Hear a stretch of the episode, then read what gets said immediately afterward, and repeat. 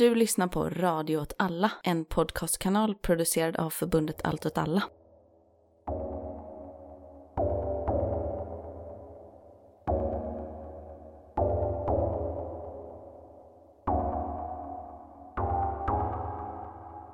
Hej och välkommen till Eld rörelse med mig Martin Hansson och med mig, Myran Insektsnamn. Och du sa förra gången, jag gjorde en sån här löjlig röst när vi började, att man inte fick göra det. Och nu gör du det själv. Right back at you. Ja, du är min största inspiration här i livet. Tack. Jag har försökt gå i dina fotspår. ja. Det är den första gången vi träffades. ja. Mm. Men vi har ju en slogan nu. Okej. Okay. Eld rörelse, udda krig och perspektiv. Just det. För vi är Big in Japan. Jajamensan. Big in Pressbyrån. Ja. Ifall man kilar ner till Pressbyrån och så letar man upp senaste numret av tidningen Militär historia. Och då ska man inte leta upp senaste specialnumret som bara är 120 sidor SS special. Skit i den. Varför skulle man vilja läsa det? Nej, senaste ordinarie numret.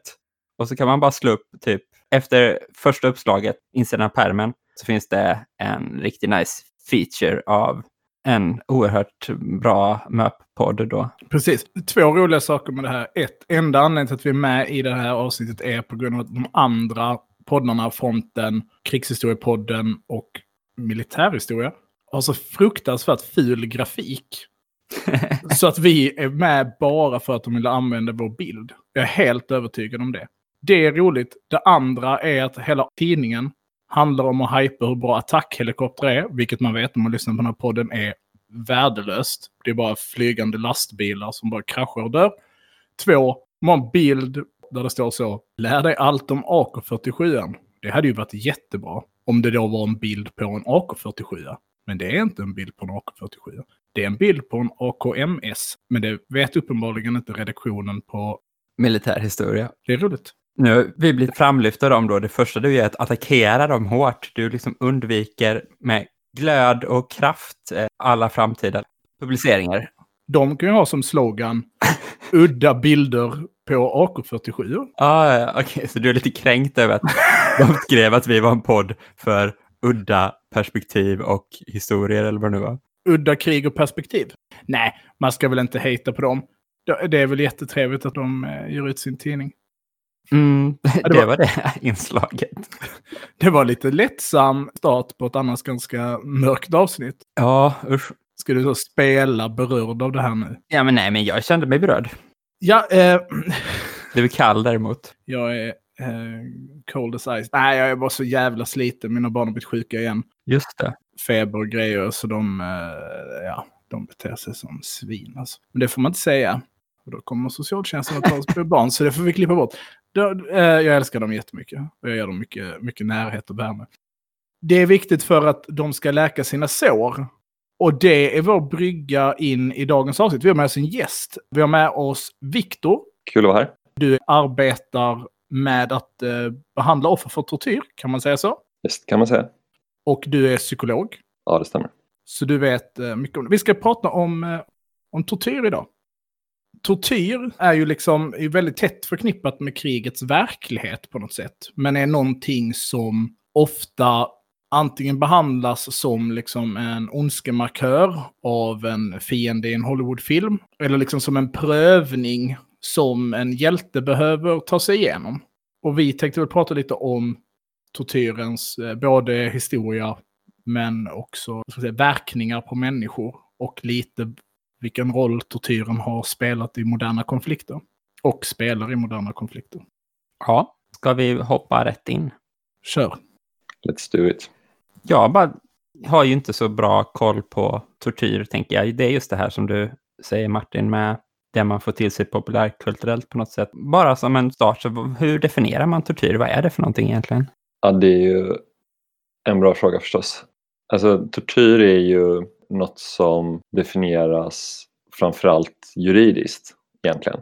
Och det är inte kanske nödvändigtvis en jättebra definition, eller de olika juridiska definitioner som finns är kanske inte de bästa som finns för att förstå fenomenet eller liksom ringa in fenomenet heller egentligen om man tänker för de som upplever det eller som utför det. Utan den definition som väldigt ofta anförs liksom, när man pratar om tortyr i olika sammanhang det är ju den definitionen som ges i FN-konventionen om tortyr eller om förbud av tortyr. Då. Tortyr är ju förbjudet i väldigt många olika sammanhang. Det är inte förbjudet enligt svensk lag. Okej. Vilket Sverige får kritik för varje gång de rapporterar till ja, högkommissionären för mänskliga rättigheter och tortyrkommittén som finns under den inom FN. Men i både internationell humanitär lag, alltså de fyra Genèvekonventionerna och i internationell alltså så här, mänskliga rättighetslag alltså olika FN-konventioner och konventioner om mänskliga rättigheter men också den speciella konventionen som finns om tortyr och flera andra konventioner tror jag också, så förbjuder man tortyr. De definitionerna som ges i de där sammanhangen, det är, liksom, det är dels väldigt breda definitioner. Det handlar om definitioner av tortyr och annan grym eller omänsklig behandling. Och de är liksom väldigt inriktade på vem det är som utför någonting. Alltså om man tittar på den här FN-definitionen, då är tortyr att det finns en statlig förövare som utövar våld mot någon i syfte att skapa svår smärta eller svårt lidande. Och det kan ju i princip vara liksom att man blir så misshandlad av en ordningsvakt som jobbar på kommunens uppdrag. Typ. Det skulle ju egentligen i princip då falla under tortyrkonventionen. Men det är inte det man tänker på när man tänker på tortyr. Och det är inte det man jobbar med när man jobbar med tortyr, tortyrskaderehabilitering. Så. Men finns det inte någonting där i alla fall då att det är just uppsåtet att orsaka lidande. Jo, absolut. Eller att det måste ju vara del i alla fall i det man håller på med. Jag tänker att i många andra sammanhang kanske man råkar orsaka någon lidande som en konsekvens, som en biverkan av det man egentligen mm. är ute efter. Men att i tortyr finns det ett planerat moment av att skapa det här lidandet att det är en del av syftet. Kanske då med ett ytterligare mål ifall man tänker att få fram information i ett förhör eller någonting, men ändå att det är liksom ja. utstuderat då att man ska skapa det här lidandet. Håller du med om det? Liksom? Jo, men det håller jag med om. Alltså lidande eller... Alltså lidandet kan väl också vara ett medel, att det är något annat som är målet. Så. Men alltså absolut, det håller jag verkligen med om. Men det jag tänker att det jag tycker fattas lite i den här definitionen som ges i den här FN-konventionen, det är dels vem är det som är förövaren? Där tänker jag liksom att det finns ju väldigt mycket våld som jag tror de flesta spontant skulle tänka, att men det här är typisk tortyr som bara inte blir tortyr för att det är Hells Angels som gör det istället för staten. Typ. Det är lite olika där i FN-definitionen eller i Genèvekonventionen. Så man ska också, det är statens uppdrag att skydda mot sånt där så att om man inte skyddar mot det så kan man också definiera det som tortyr. Så. Men det jag tänker är väldigt centralt när jag tänker på tortyr. Det är en fråga om att ha försatt någon i ett maktlöst eller försvarslöst tillstånd innan man utövar våldet mot dem. Alltså om man hamnar i en konfrontation med någon exempelvis då skulle det kunna definieras som tortyr enligt de här konventionerna. Men jag tänker att just det här att man på något sätt är försatt i ett försvarslöst tillstånd. Det tänker jag är det jag tror många tänker på när man tänker på tortyr. Men jag tänker också att det är det som gör att uppleva tortyr annorlunda från att uppleva andra former av våld. Att man har den här upplevelsen av att jag kan inte fly, jag kan inte försvara mig. Utan nu, nu är jag helt i händerna på den som torterar mig. Ja, förövaren har en kontroll över ja. den som tortyren utövas mot. Exakt. Väljer ändå att göra någonting. Precis. Men jag tänker att det är den ena delen. Den andra delen är precis det här som du säger, liksom det här syftet att pressa någon psykiskt jag tänker att det inte alltid behöver vara att eh, få någon att, att göra någonting, alltså att eh, få ut information. Det kan vara bestraffning. Det kan absolut vara ren bara bestraffning eller bara liksom en önskan om att plåga eller skada någon. Men det kan också vara i syfte att liksom bara skrämma någon eller liksom knäcka motståndskraften hos någon. Det kan ju vara för att få ut information men det kan också bara vara som ett sätt att sprida terror eller liksom att oskadliggöra någon utan att döda den. Så att säga. Tortyr behöver inte egentligen vara fysiskt våldsamt. Det tänker jag är viktigt att också inse.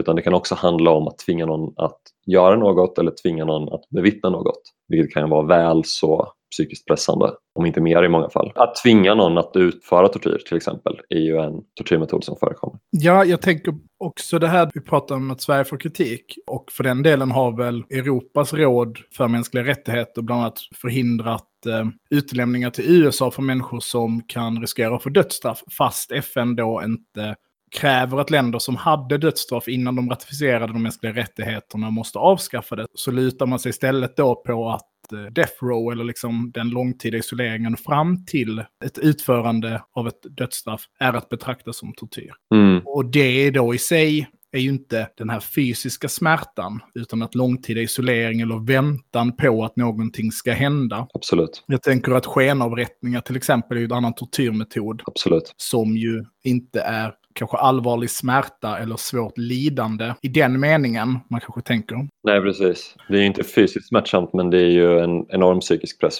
såklart. Nej, jag tänker du har helt rätt i det. Liksom. Och jag tänker att man behöver tänka tortyr som ett väldigt mångfacetterat fenomen och lite som det du sa nyssmyran. Liksom. Alltså att, så här, vad är det vanligaste? Är det för att använda som förhörsmetod eller är det för att liksom bara terrorisera liksom, en viss befolkningsgrupp eller en viss politisk grupp eller något sånt där. Jag tänker att det ser nog väldigt olika ut på olika platser. Jag tänker att det är samma sak med det här med metoderna. Att vissa metoder är vanligare på vissa platser och vissa metoder är vanligare på andra platser. Men det finns lite statistik kring just det här med metoderna som är rätt bra som en internationell organisation för tortyrrehabilitering som är kopplad till FN också, IRCT, de har en databas, Anti-Torture Database. Och de säger ju att i princip alltid så används ju hot och förolämpningar som tortyrmetoder. Det är liksom den mest globala, vanligt förekommande genren av tortyrmetoder. Och just det här med hot i synnerhet är ju förstås väldigt psykiskt pressande om det är ett hot som upplevs trovärdiga, men även förolämpningar, liksom, just att på olika sätt förnedra människor, alltså att avhumanisera dem, det är ju centralt ofta i tortyrpraktiker så som de förekommer. Just i den förolämpande i tortyren så måste ju maktlösheten vara en väldigt central komponent. För annars är ju inte förolämpningar ett särskilt stort problem för människor i gemen. Om du då inte redan är försatt i en väldigt kraftig beroendeställning inför den personen som, som förolämpar dig. Exakt, det är i kombination med de andra sakerna. Det, mm. det, är verkligen min bild också. Men någonting jag förknippar väldigt starkt med det jag läst om tortyr, som jag tänker är det som nästan gör fenomenet som mest intressant. Och om man då ska liksom på något sätt binda ihop från den här ordningsvakten du pratar om, vilket jag menar kan utföra tortyr, till eh, Abu Ghraib-fängelset i, i Bagdad. Liksom. Så handlar det ju om en eh, bestraffningsmetod. Alltså att syftet med tortyr är inte, eller är sällan att få ut information. Det kanske är det på pappret, att det är det som är syftet med tortyr. Men att det är liksom djupt förankrat i att det handlar också om någon typ av rättsskipning. Det är verkligen min bild också, precis som du säger, alltså det kan ju finnas det här med att få ut information men det i sig förklarar liksom inte varför man väljer att tortera någon. Dels så vet ju de flesta idag att det inte är en särskilt bra metod för det men det är ju också så att du behöver ju ändå vara inställd på att någon förtjänar att få det lite liksom, på något sätt för att du ska kunna tänka dig att tortera någon. Det är en otroligt grov handling på något sätt. Det är ju extremt få människor som är liksom uppfostrade till att tortera så att säga. Det är inget man får med sig hemifrån direkt utan det är ju någonting som kräver alltså att man är brutaliserad själv innan man gör det men det kräver ju också på något sätt en väldig avhumanisering av den man torterar. Så det behöver finnas den här bestraffande komponenten, det tänker jag också. Och att det uppstår en dynamik mellan förövare och offer. Och en, liksom en samhällelig dynamik där man upplever att den här typen av gärningsmän då, som man bestraffar, kan undfly. För att dra en snabb parallell. Jag tänker att tortyrliknande behandling från svensk polis kommer att öka i takt med att den hegemoniska positionen, brottslingar blir inte dömda, får inte sina straff och så vidare. Ju starkare den cementeras, ju mer kommer vi se liksom, tortyrliknande utförande eller ren tortyr från svensk polis. Ja, det skulle man ju verkligen kunna tänka sig. Jag tänker liksom, om man tänker i populärkulturella skildringar av tortyr så finns det ju dels den här, liksom, som du säger, den här tortyr som, som skurkarna gör. Men det finns ju också en väldig romantisering av tortyr i mycket populärkultur bästa exemplet vi har här i Sverige är väl Beck, tänker jag. Beck-filmerna med Mikael Persbrandt liksom, där han ju regelbundet misshandlar folk i förhörsrum och sånt där som definitivt är saker som skulle klassas som tortyr enligt vem som helst. Och där är det ju precis det här att det här är något som är okej okay för annars kommer de undan. Och då får de sitt straff för de förtjänar det för de ska få straffas och annars kommer de undan. Det är ju precis den logiken. Det bästa amerikanska exemplet på det är ju den här eh, serien 24 som gick runt millennieskiftet. Där använde de ju tortyr också regelmässigt då i den där tv-serien för att det var sån tidspress och annars skulle de komma undan och sådär. Liksom. Och de ursäktade sig, de producenterna, de fick kritik för det här med att så nej men vi skildrar ju bara sånt som finns liksom. De skildrar väldigt hemska och liksom sofistikerade tortyrmetoder. fanns det kritik kring då. Men sen gjordes det studier i efterhand bland liksom anställda på Guantanamo där det visar sig att det finns massa folk då som i Guantanamo-fängelset har använt sig av metoder som de först såg på 24 och sen då plockade upp därifrån in i sina tortyrpraktiker. Då liksom. Så det är helt klart något som, som vad, vad är liksom den dominerande berättelsen kring tortyr och vad som är tortyr och inte. Så det är ju väldigt avgörande för vad folk är beredda att göra i en viss situation. Får inte toppkandidaterna Petter frågan i finalen på tv-programmet Toppkandidaterna vinner 100 000 och donerar det till Osynliga partiet. Det här är verkligen för våra kanske våra rävar som lyssnar. Deep cut. Får inte alltså fråga, terrorister har typ tagit en familj till gisslan. Det enda sättet att få ut svaret är att tortera dem. Ska de få tortera dem? Eller någon annan sån riktig idiotfråga och så svarar Ja. han typ så. Det här är en skitdum fråga. Jag vill inte svara på det. Eller någonting. Men liksom just den idén om liksom tortyr som ett... Eh, som det är fel moraliskt. Men ibland kanske det är ett, något nödvändigt ont liksom.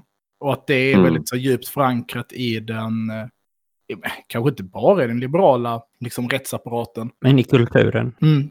Men alltså också, tänker jag att i 24 så diskuteras det är väl också liksom att det finns det här momentet av att man vet att det är en moralisk dilemma då på något sätt.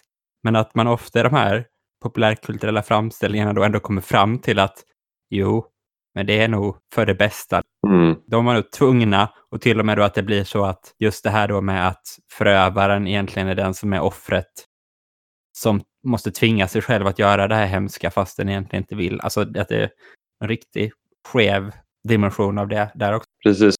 Sen vill jag också säga, förlåt, Topp-Petter vann 250 000 och det var 100 000 av dem som gick till Osynliga partiet. Så att vi får rätt på historieskrivningen. Vad gick de andra 150 000 till? Knarkhund. 50 000 gick Knarkhund. nog till tryckningen av Att läsa kapitalet politiskt och 100 000 till The Pirate Bay. Eller ifall det var flippat mellan de siffrorna. Men... Aha. Alltså inte till Piratbyrån utan till The Pirate Bay? Ah, Nej, nej, det var nog inte- till Piratbyrån såklart. Ja. Ja.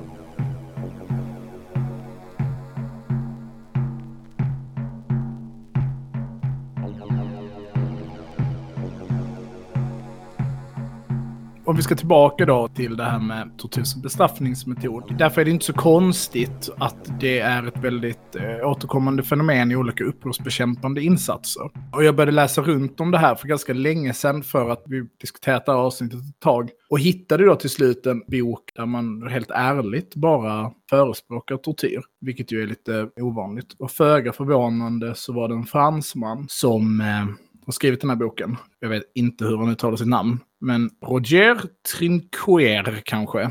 Eller något. Min franska är inte så bra. Som skrev en bok som heter Modern Warfare, A French View of Counterinsurgency. Och det är väldigt spännande i den för att han då argumenterar liksom för tortyr.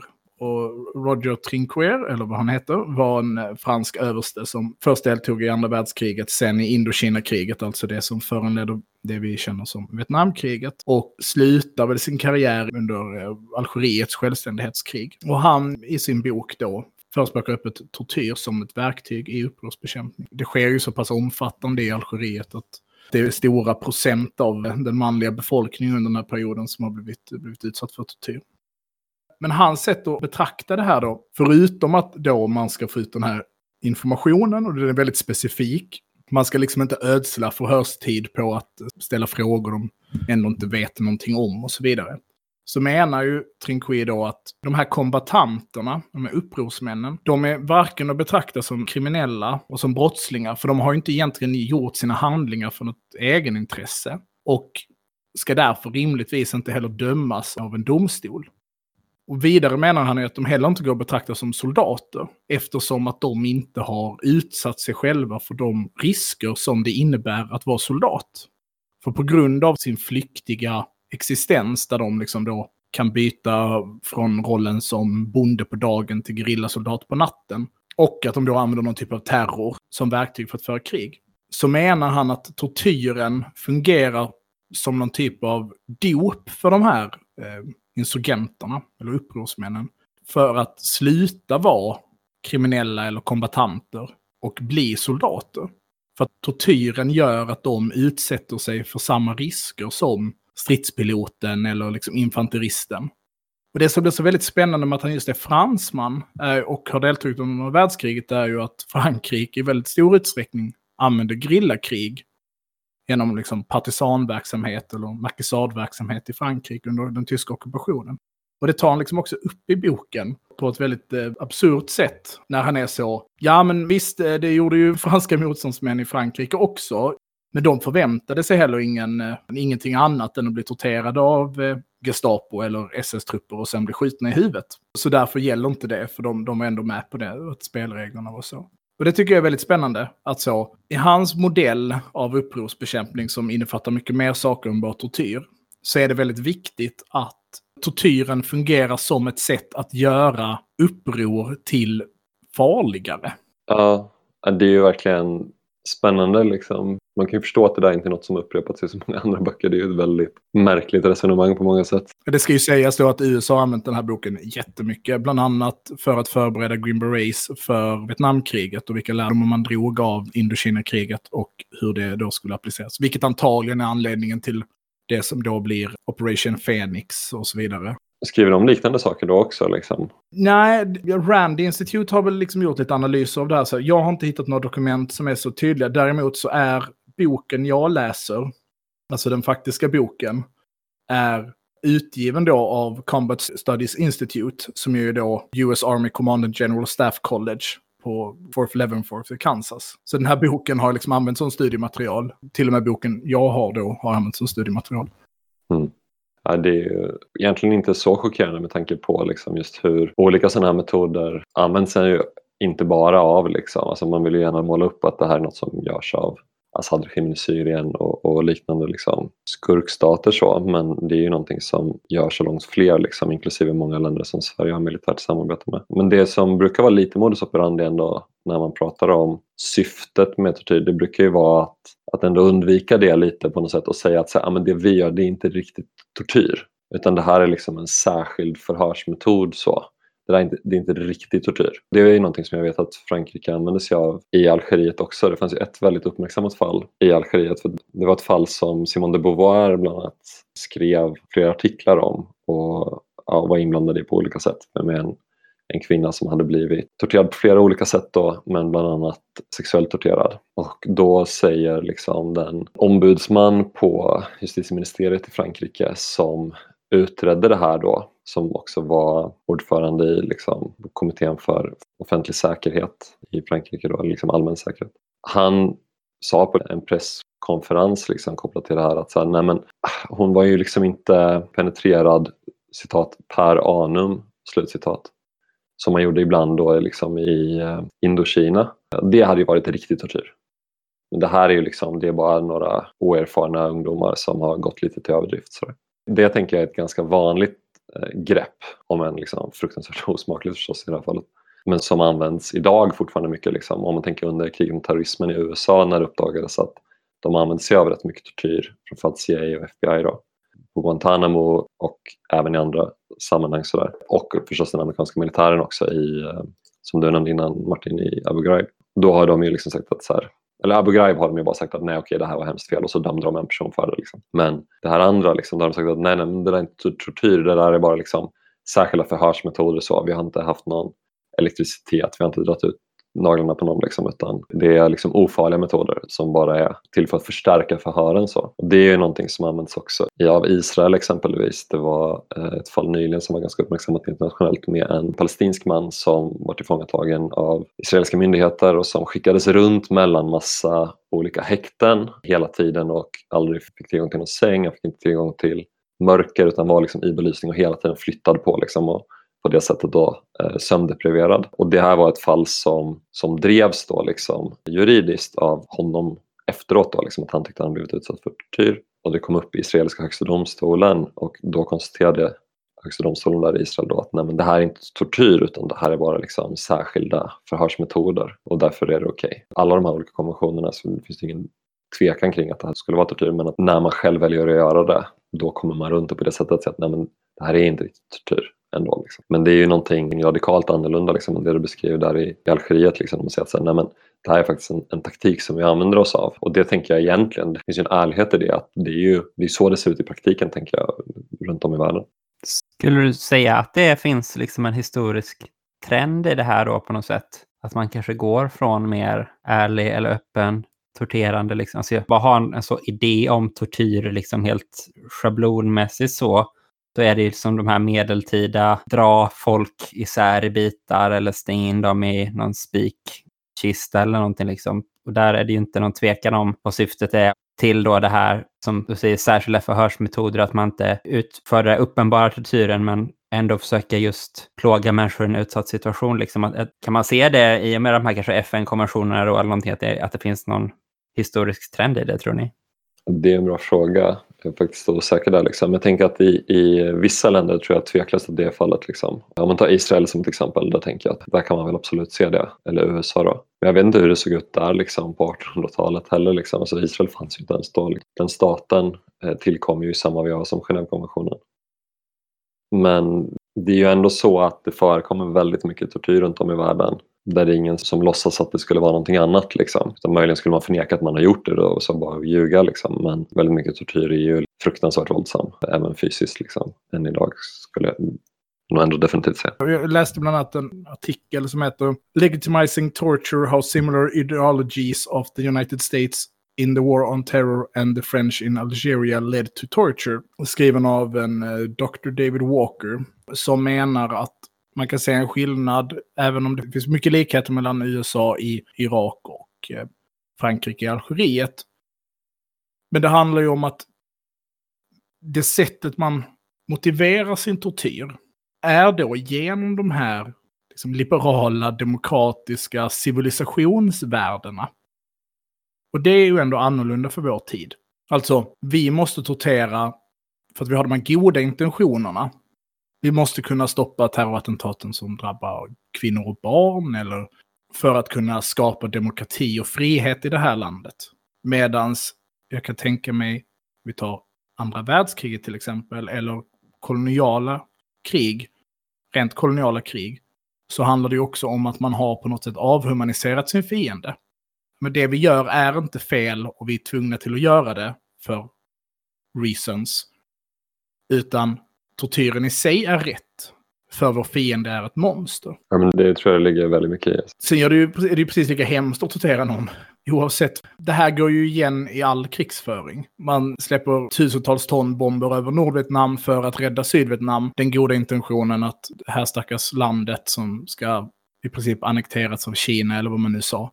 Men jag menar, slutprodukten är ju att man släppte tiotusentals bomber över människor. Mm. Men jag tror att sättet man motiverar det också på något sätt måste såklart då påverka hur det utförs. Och det väcker ju en spännande fråga. Så man kan ju prata om att smarta bomber är ett, ett skämt liksom och hur liksom civila visst fortfarande drabbas av krig. Men det är inte samma sak. Dagens krigsföring från NATO-länder är inte samma sak som bombmattor eller brandbombningen av eh, Tokyo eller vad det är. Så det är ju faktiskt inte samma sak. Så de civila offren går trots allt ner i någon mening, även om det är fruktansvärt ändå. Och jag tänker också att hur tortyren utförs skiljer sig åt. Du var inne på det här med, med de här gråzonerna, liksom. nej men vi har inte dragit ut några naglar eller vi har inte liksom elchockat någon i, i könsorganen till exempel. Så då har vi inte utfört tortyr. Men det gör ju också att man då inte elchockar någon i könsorganet eller drar ut naglarna. Den tortyren du stöter på i ditt arbete, vad skulle du säga är liksom den, vad är den du, du beskrev förolämpningar, isolering mm. då antar jag är mm. liksom gemensamt. Mm. Men den här liksom fysiska tortyren.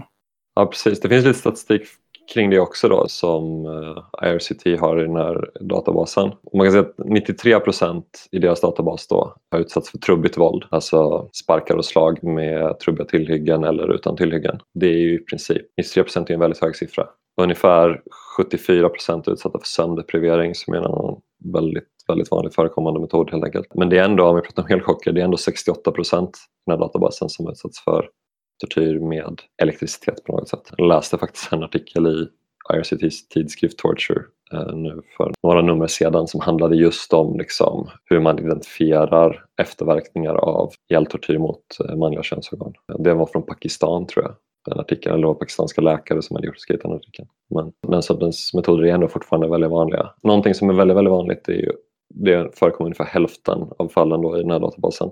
Det är något som kallas falaka i vissa länder i Afrika. Då. Men det har olika namn liksom, i olika delar av världen men det är väldigt vanligt. Det är slag mot fotsulorna med typ batonger eller något liknande.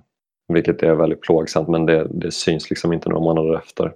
Det är populärt av det skälet. Elektricitet, sönderprivering, trubbigt våld. Alla de här är ju sådana som inte syns så himla tydligt nödvändigtvis. Men det är också vanligt liksom, enligt den här statistiken och det är ju sånt som jag tycker att, jag, att vi stöter på både liksom, i behandlingsarbete och om jag inte bara pratar om mina egna erfarenheter utan mer liksom, sånt man hör om från kollegor och, och sådär också. Så är hängningar väldigt vanlig metod fortfarande. Att man hänger upp någon i kroppen på ett obekvämt sätt. Det finns flera olika speciella metoder för hängningar som är vanliga så vi behöver kanske inte gå in på. Det behöver liksom inte frossa i det kanske liksom. Men det är Andra fastlåsta positioner är också otroligt vanligt. Alltså att man blir bunden eller kedjad eller spänd fast på något sätt. Så. Att man, alltså inte deprivation bara av sömn utan också av liksom mat, hygien, vård, alla sådana saker liksom är också väldigt vanligt förekommande. Sexuellt våld väldigt vanligt förekommande. Mot kvinnor är det ju, så kvinnor som torteras utsätts ju nästan alltid för sexuellt våld eller i de flesta fall i alla fall. Liksom. Den statistik som finns. Men även för män är ju sexuellt våld väldigt vanligt ändå. Liksom. Det är ju 10-12 procent som utsätts för någon typ av sexuellt våld i alla fall. Piskning är fortfarande vanligt. Brännmärkning ganska vanligt. Speciellt med cigaretter är ju det allra vanligaste men det finns ju många andra metoder för det också. Skållning, så hett vatten eh, eller frätande vätskor används ofta. Olika former av kvävning eller dränkning. Att kyla ner människor på olika sätt, att värma upp dem på alltså att man får befinna sig i, väldigt, alltså i hög värme under lång tid. Ja, listan fortsätter liksom. Sen även alltså stickskador och skottskador ska väl nämnas med. Det är ju vanliga grejer. Och droger är ju också vanligt. Om man tänker då liksom just de här fysiska metoderna. då.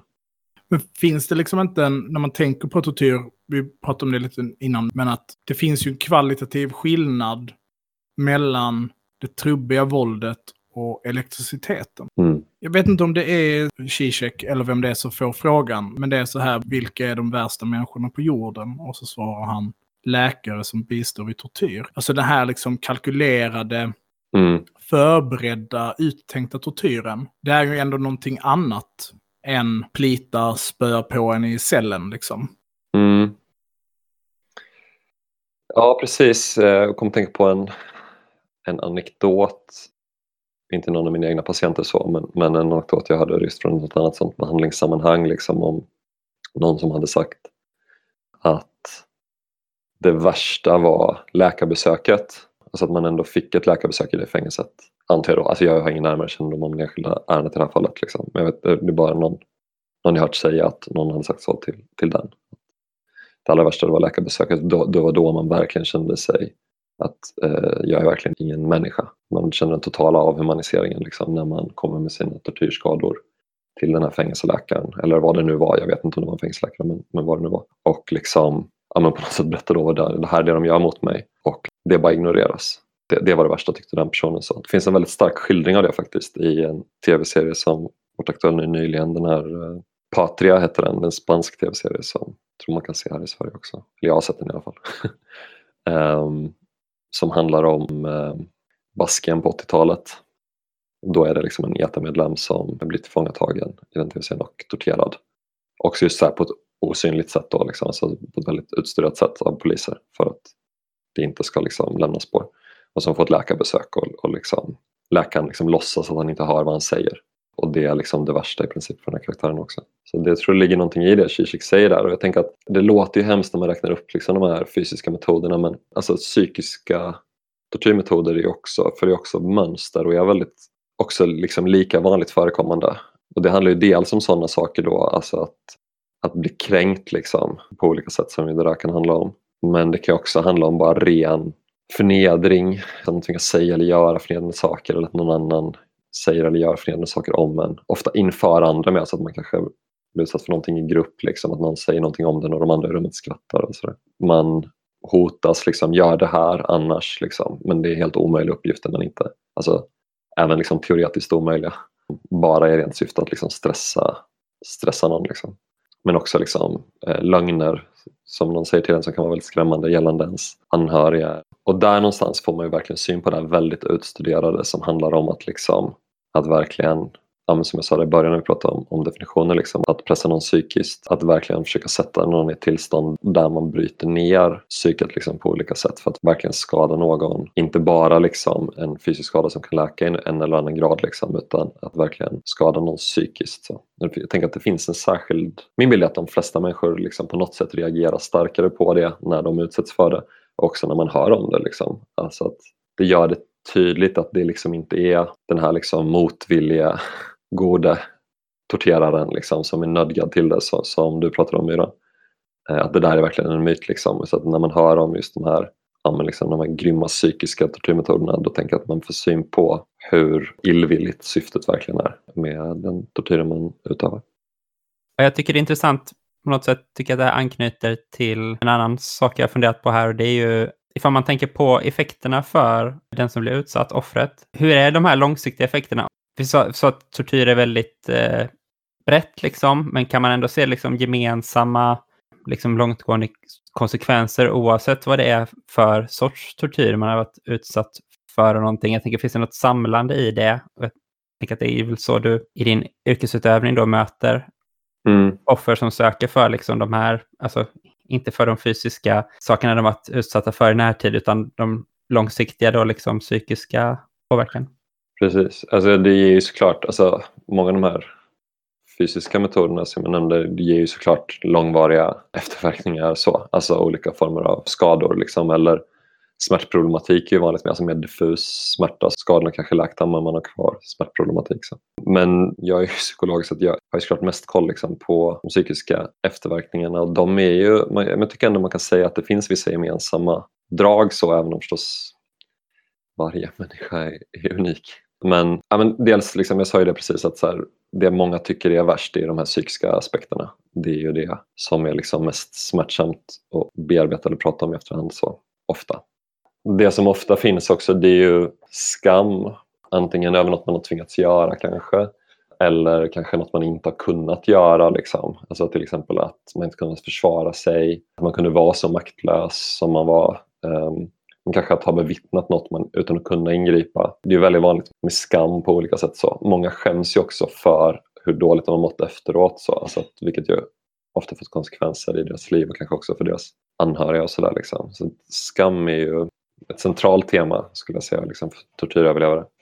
Sen ska det väl sägas att skam är ju ett centralt tema vid liksom psykiskt trauma överlag. Och det finns många olika teorier om det. Så, så det är liksom lite bredare. Men jag skulle säga att det är särskilt framträdande med tortyröverlevare. Och det är också så att i liksom traumapsykologisk forskning så är just maktlöshet något som är väldigt centralt också i många definitioner av trauma.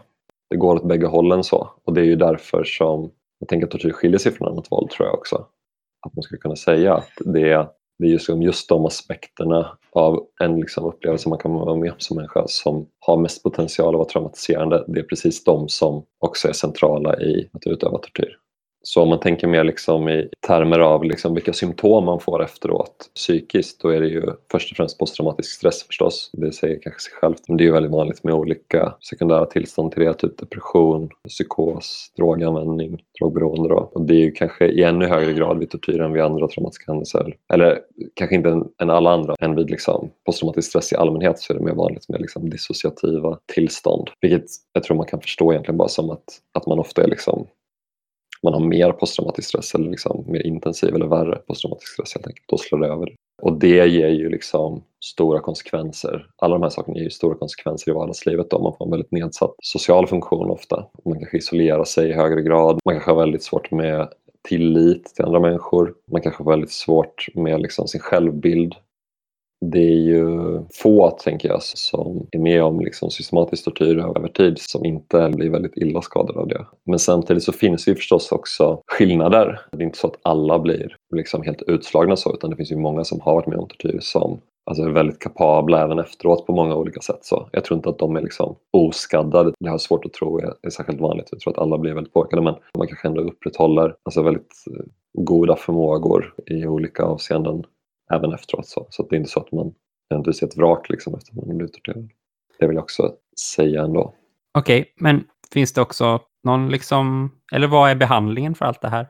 Och finns det någon gemensam bra sätt att må bättre Ja, alltså det är ju olika. Alltså, om man tänker i en svensk kontext, alltså folk som kommer hit som flyktingar och har blivit torterade utomlands, då finns det ofta väldigt behov av liksom, vad ska man säga, sociala insatser på olika sätt, skulle jag säga, beroende på vilket nätverk man har runt sig. Men man kanske liksom inte har det om man, om man inte kommer härifrån från början. Och ens anhöriga kanske också ofta är väldigt påverkade de också av att liksom ha en familjemedlem som har varit med om, om något sånt här. Så. Eller kanske inte heller vet om riktigt exakt hur det är för att man kan inte riktigt berätta ens för dem när de måste anhöriga. Så. Men det som är gemensamt liksom, för alla, liksom, även för någon som varit med om liksom, liknande våld kanske men eh, har väldigt starkt social eh, situation liksom, i övrigt så. Det är ju liksom någon typ av behov av traumabearbetning om det är så att man är traumatiserad av det, vilket ju ändå är vanligt. Och då är det ju liksom egentligen samma metoder som man använder för annan traumabearbetning. Samma som någon som har varit med om en, en bilolycka eller liksom,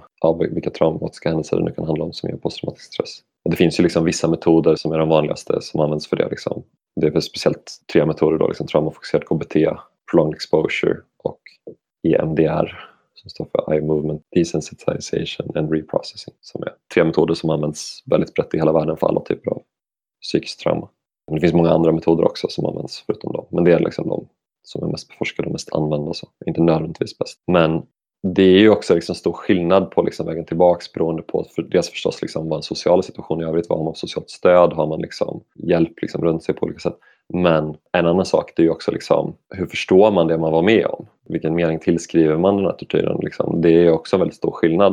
Det finns en del studier som indikerar att politiska fångar blir mindre psykiskt skadade av tortyr än torterade i allmänhet. Kanske då liksom för att man har en annan förväntan och man vet att det här är något som kan hända och om det händer då är det för att jag gjorde den här saken som jag står för och tror på. Det kan ju också ge utrymme för agens. Alltså till exempel, kan jag hålla tyst, då har jag vunnit. Sådana grejer. Liksom. Och då blir man ju allmänt mindre traumatiserad. Och då har man kanske haft någon typ av liksom, upplevelse av att inte vara totalt maktlös till exempel. Nej, men är inte det också en effekt av att man har kanske en då analys av världen liksom på något sätt och kan sätta saker i ett sammanhang. Ja. Och då framstår de inte som så slumpmässiga. Liksom. Och det finns ju Nej, något exakt. fruktansvärt i det också, att man inte fattar varför man blir utsatt för något fruktansvärt. Men när man väl gör det så kan man ju också liksom då se när man är förbi det. Och risken är för att det ska hända igen, eller man kan förstå Mm. varför. Liksom. Man behöver inte ställa sig den frågan, varför hände det här och så. Nej, exakt. Det, det tror jag är helt rätt. Och alltså, I politiska rörelser som verkar i sammanhang där man vet att det finns en hög risk att bli torterad, då finns det ofta en väldigt hög medvetenhet och också beredskap kring det. Liksom. Ett exempel som jag tycker är väldigt slående det är så här, Tupamaros i Uruguay på 70-talet. Där var det så att, enligt vad jag har hört, inte från någon patient ska jag säga, men där var det så att de hade en regel i organisationen att man behöver hålla tyst i 24 timmar. Efter det då kan man säga vad man vill liksom, till de som har tagit den. Så rutinen var att när någon fattas, liksom, då ska man ha bytt alla liksom, gömställen och lösenord och allt vad det är. Liksom. Då byter man det direkt med vetskapen om att liksom, annars kommer de tortera den tills de får reda på det. Så då, det tycker jag är liksom ett ganska slående exempel. Dels för att det är så pass liksom, Alltså det är ganska smart men det finns ju någonting med det också som är väldigt så mänskligt. Liksom, att säga, nej, men vi ska inte förvänta oss av varandra att vi ska stå ut med tortyr i evigheters evighet. Det är liksom inte en rimlig förväntan på oss i liksom en politisk organisation utan vi försöker hålla tyst 24 timmar så gott det går. Liksom. Kan, kan vi klara det? Liksom? Ja, men det, bara i sig att man har kanske det då, att hålla fast vid en idé eller någonting i en situation när man blir utsatt för något sånt här, kanske också i sig är stärkande, kan man ju tänka sig. Att Ja. du har en ja, då, agens på något sätt. Det här gör jag nu. Jag håller på med det här när du försöker göra det här mot mig. Så mitt mål är att öppna de här 24 timmarna på något sätt. Mm.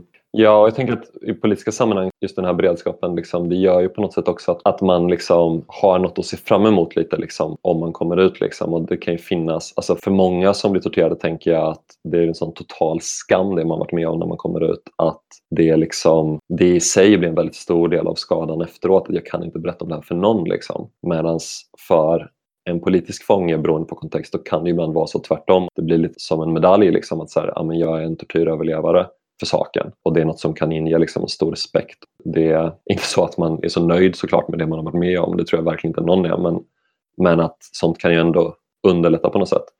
Eh, och att man kanske också har liksom en reflekterande i förväg kring ja, men hur skulle jag liksom kunna copa med en sån situation på olika sätt.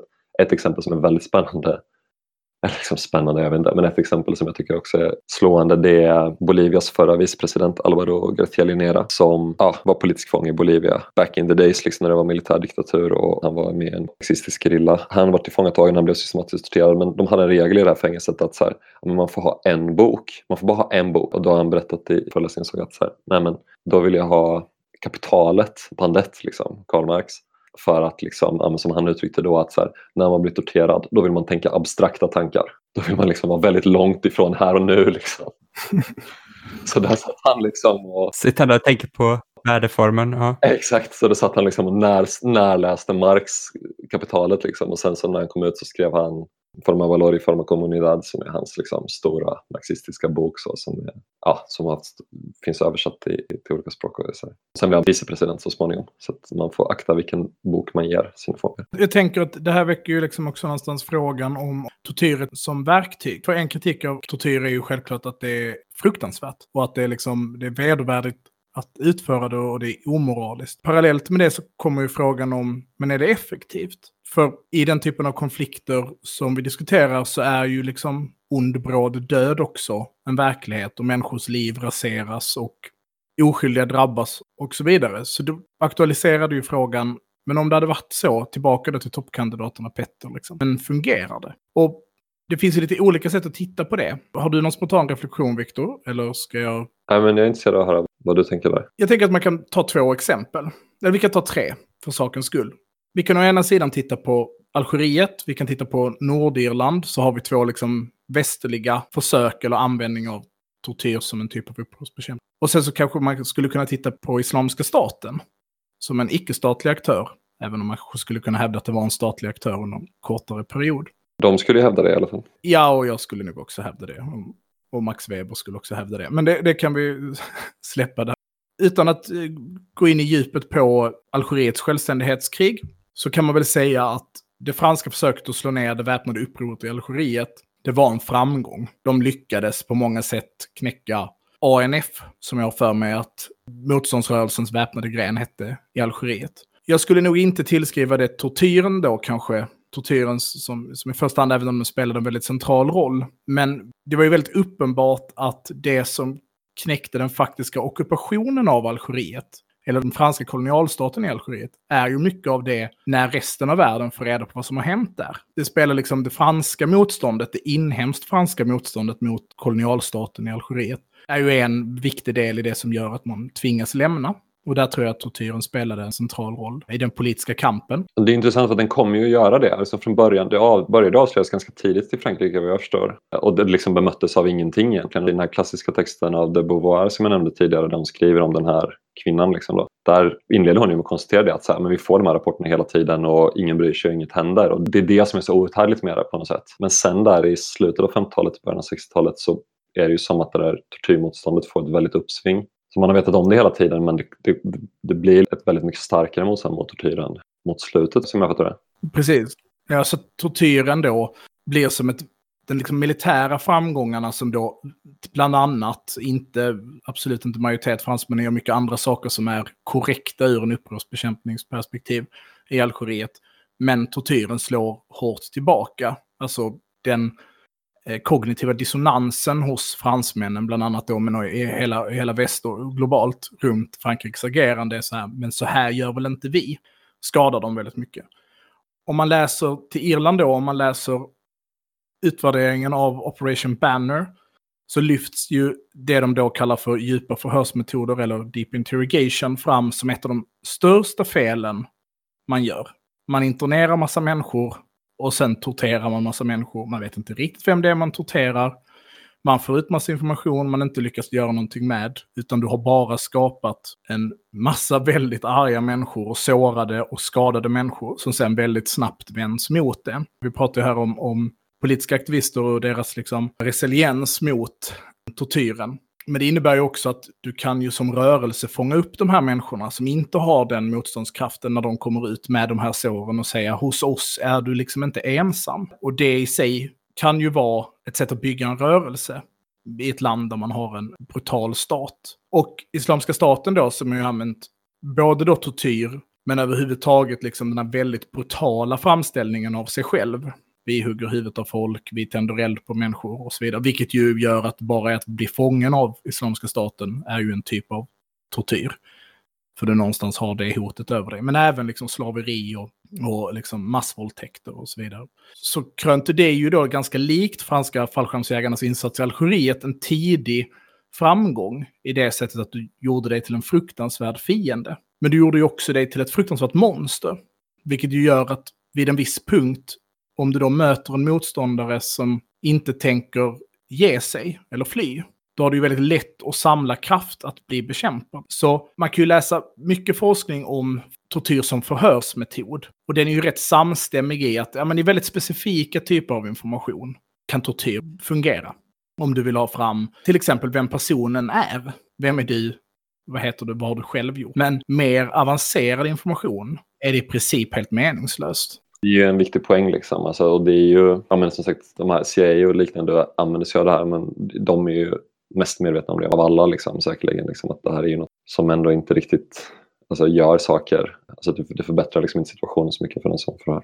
Och det är för att man inte säger då de här hemligheterna och sanningarna som de vill höra. Eller man säger hela tiden det man tror att de ska vilja höra för att de ska sluta med det de gör. Och då kan man inte urskilja det när man i någon sorts självförsvar hittar på saker som man tror de vill höra från att de faktiskt säger saker som stämmer. Det är det jag tycker jag har hört som är sammanfattningen, men vad jag säger forskningen där säger ni? Det är ju en, alltså att du får en, en mängd information och det är väldigt svårt att sålla den informationen. Men det råder ju också någon typ av motsatsförhållande. Men du tar folk och så vill du att de berättar information, men den informationen människor har är ju generellt bara en pusselbit av en helhet. Träffade du några svenskar när du var på träningsläger i Pakistan? Uh, ja, det gjorde jag. Hur många var de? Jag minns inte. Tortyr. Hur många var de? Uh, tio. Du har ett fakta som ju kanske är sann, men du har också fått en siffra som både kan leda dig helt fel. De var inte tio, de var fyra. Minnet sviker, framförallt i en stressad situation. Då börjar ni leta efter tio svenskar som skulle varit på självmordsbombarlägret i Pakistan, men i själva verket var de bara fyra. Och redan där så har du ju liksom på något sätt fastnat i en, en falsk informationskedja. Och det är väl bara helt enkelt, det är ju så enkelt att när du har också tillräckligt stort motstånd mot dig, Alltså för det här kommer ju in lite vad kriget mot terrorismen är för någonting. Jag, tror vi har pratat om det tidigare, liksom, men att man förstår kriget mot terrorismen som en polisiär insats med militära medel. Men när det i själva verket inte är polisiärt överhuvudtaget, utan militärt, ett krig. Mm. Det gör ju att, men det spelar liksom ingen roll när du har hundratusen motståndare i en region som växer och försvinner, där delar uppstår och andra dör. Liksom den informationen, du kan inte göra någonting med den informationen. Den är liksom inte värd någonting. Utan om det är någonting jag tänker att Guantanamo faktiskt fyllde som funktion, så var det ju på något sätt det här blir som ett skådespel där vi visar att terrorattentaten på 11 september fick negativa konsekvenser för den rörelse som utförde dem. Den aspekten av det tror jag inte man ska underskatta. Så att viljan att mobilisera liksom, folk som tycker att det är bra med tortyren, precis som folk hejar på Gunvald liksom, när de kollar på Beck. Alltså så tänker jag verkligen med Guantanamo. Liksom. Det har varit en spännande grej med de här Qanon. Att de verkar vara liksom lite så besatta av just Guantanamo som exempel. Liksom, att de ska till Guantanamo. Liksom. De här Hillary Clinton och vilka de nu ska, ska sätta dit. Liksom. Det är ju någonting med bilden av Guantanamo som verkligen har sig fast i liksom just de här liksom reaktionära kretsarna. Kanske var det därför som Obama aldrig stängde det heller. Får väl se om Biden gör det nu. Men... Nej, jag tror verkligen inte att man ska underskatta viljan till tortyr. Alltså mm. jag tänker att man stöter på det liksom ofta. Och hela den debatten, då om vi ska knyta an det till Sverige, om hårda polisingripanden, tänker ja. jag är direkt kopplat till det. Det är verkligen samma psykologiska logik på något sätt. Liksom. Enligt Amnestys undersökningar så är det ungefär en tredjedel av människor globalt som tycker tortyr är rättfärdigt. Men då är det mer på någon slags principiell nivå. Liksom, så jag tänker att, att liksom, tycka att det är lite gött att, att just den fienden man identifierar torteras. Det tänker jag är betydligt vanligare så liksom. Ja, och det kan man väl i ärlighetens namn känna igen i sig själv också. Ja, de flesta människor har ju liksom någon, alltså, om man inte kan relatera till andras aggressivitet alls, då, liksom, då är ju det kanske ens psykiska dilemma skulle jag säga. Jag tänker att det, det är något relaterbart i det för var och en liksom, och det är väl därför som jag tänker att politiskt så är väl den viktiga poängen att men det ska liksom inte vara eh, brottsoffret eller liksom den politiska motståndarens hämndlystnad eller liksom vilja till bestraffning. Apropå tortyr som bestraffning, det ska inte vara det som kanske styr en rättsprocess. Det leder liksom inte till de bästa, till de bästa utfallen om man säger så.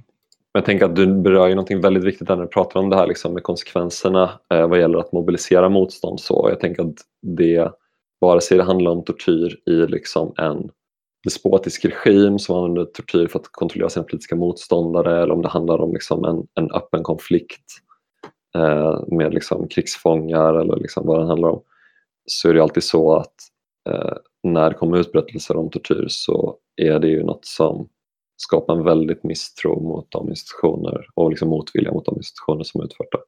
Och den kraften den har man ju verkligen sett många historiska exempel på. Bland annat om du lyfter fram det. Liksom. Jag tänker att den poängen är ju kanske den viktigaste. Liksom. Alltså att, så att om du vill vinna din politiska konflikt, och det vill man väl, då handlar det ju också om liksom, vad händer dagen efter.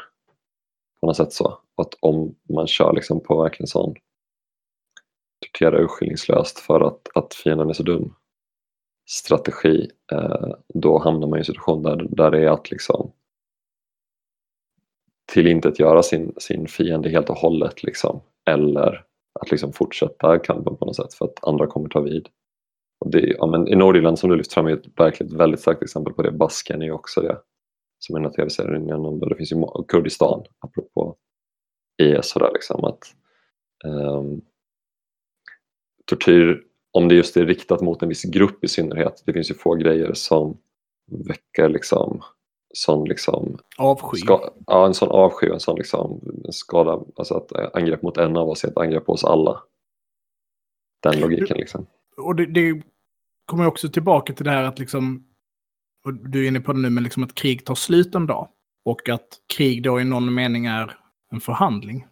Roligt att vi ska knyta ihop säcken med det här. Men att om du gör hur stora övergrepp mot din fiende som, som helst så kommer det bli väldigt svårt att ändå sätta sig vid förhandlingsbordet och lösa de här tvisterna som det egentligen handlar om. För att du kommer ha drivit in frågan i en position där handlingarna har varit fullständigt oförlåtliga. Och det är här också för det kan ju låta bisarrt när man säger det då just i relation till krig. Liksom. Men krig är ju en dynamik av, och om man då ska komma tillbaka till Eh, Roger Trinquets poäng, liksom. men att krig är ju en dynamik av någon typ av vulgärt självförsvar.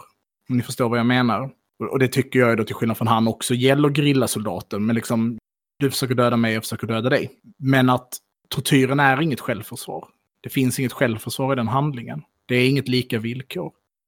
Utan det är just den här maktlösheten och eh, svagheten gentemot din förövare. Apropå Algeriet igen då, liksom, men det var inte bara de Beauvoir som skrev där om de här tortyrpraktikerna utan Sartre skrev, skrev ju också om det. Liksom. Han, den poängen han ville göra i en klassisk text i hans tid mot Frankrikes eh, kolonisering av Algeriet och mot, mot tortyren som de använde sig av som metod. Det var ju ungefär att, alltså att peka på ynkedomen i tortyren på något sätt. Alltså att det handlar om att skapa den här maktlösheten hos den som torteras men i själva verket är det inte den torterade som är svag och ynklig liksom, utan det är torteraren som är det. Skrev han där då, liksom, jag tänker att det var något som fick en väldig resonans när han skrev det i sin samtid som jag tror att jag tror man kan göra en feministisk analys av att skriva på det här sättet som säkert problematiserar det men jag tänker ändå att på någon nivå har han rätt tycker jag apropå det du säger nu Martin att det finns ju någonting väldigt liksom ynkligt i att känna det här behovet av att försätta någon annan i det här så djupt hjälplösa tillståndet och kunna tillföra den så mycket skada som möjligt fast man redan har den i sitt våld på något sätt. Jag tänker att det är väl där någonstans som det ändå är så att liksom, om två tredjedelar av alla människor i världen säger att så här, det här är faktiskt helt fel. Det är förbjudet i alla fyra Genèvekonventionerna, det är förbjudet i all den internationella rätten. Det är förbjudet i snart sagt alla länder och även om många utövar det, man gör det ändå inofficiellt på något sätt. Liksom. Det är inte så att det står i lagen i Syrien att jo men hemliga polisen har självklart rätt att tortera hur de vill. Jag vet inte om det står det, det kanske står det i, i lagen. Men det är inte så att man går runt och skryter om det. Eh, officiellt så, utan i den mån man skryter om det så görs det liksom indirekt ofta, tänker jag. Och då vill man liksom projicera ett hot, man vill skrämma på den vägen. Men man kan liksom aldrig riktigt ställa sig upp i talarstolen och verkligen bara peka med hela handen och, och skrika ut de här hoten för att det finns någonting väldigt ynkligt i det tänker jag. Så, som i slutändan visar på den egna svagheten och som jag tänker hänger ihop med det du säger där också om varför det inte riktigt funkar heller. Liksom att säga, men vad ska du med den där tortyren till? Vad är det du ska få ut av den riktigt? Ja, precis, det är något desperat, desperat i den på något ja. sätt. Som, när man bara tänker att vi som denna övermakt borde bara kunna liksom med brutalt våld krossa vår motståndare, vilket är ett väldigt vanligt misstag eh, starkare nationer gör då i, i militära konflikter mot uppror eller mindre nationer. Och när det då inte går så blir man bara allt mer desperat och försöker använda allt mer urskillningslöst våld. Mm. Och det brukar inte sluta så bra.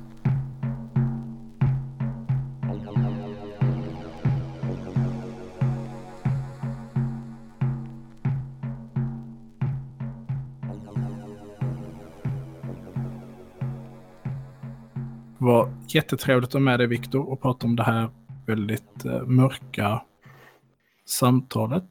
Man kan lyssna på din podd som vi har gästat. Jajamän, Som heter Habitat. precis. Den handlar inte om tortyr alls, den handlar om bostadspolitik och sådana saker. Man, man kan också lyssna på din andra podd, eh, Röda Kvarn, där ni pratar om film. Och i senaste avsnittet hörde jag att ni gjorde en liten utvikning om revolutioner, inte helt olikt vad vi har pratat om i något avsnitt. Det stämmer bra, den uppmärksamma eldorörelselyssnaren som lyssnar på Mean Girls-avsnittet i Röda Kvarn kommer att eh, känna igen sig. Mhm, ja, då får jag ta och göra det. Och sen vill du säkert att man ska säga att man typ ska prenumerera på Brand. Yes, prenumerera på tidningen Brand om, om ni inte redan gör det. Det är en väldigt bra tidning. Det kommer komma ut, när det här avsnittet kommer upp nu, så kommer det vara väldigt kort tid tills vårt första maj-nummer kommer, som ju brukar vara en höjdpunkt varje år. Så teckna prenumerationen innan första maj så du inte missar det. Vårt förrförra nummer tog slut, så det gäller att, det gäller att vara ute i god tid. Garanterat inga felidentifieringar av AK47 på framsidan. Tack så jättemycket för att ni har lyssnat. Man kan följa mig på Twitter, där heter jag Trojkan1337. Man kan också följa Myran Insektsnamn, där heter han ett slukhål. Man kan köpa t-shirts om man vill, det måste man inte. Man kan bli Patreon till Allt åt alla, som gör jävligt bra grejer. Man kan också lyssna på de andra poddarna på Radio åt alla. Tack så jättemycket för att ni har lyssnat. Tack! Ha det gött! Ha det fint. Hej då! Hej då! Hej då!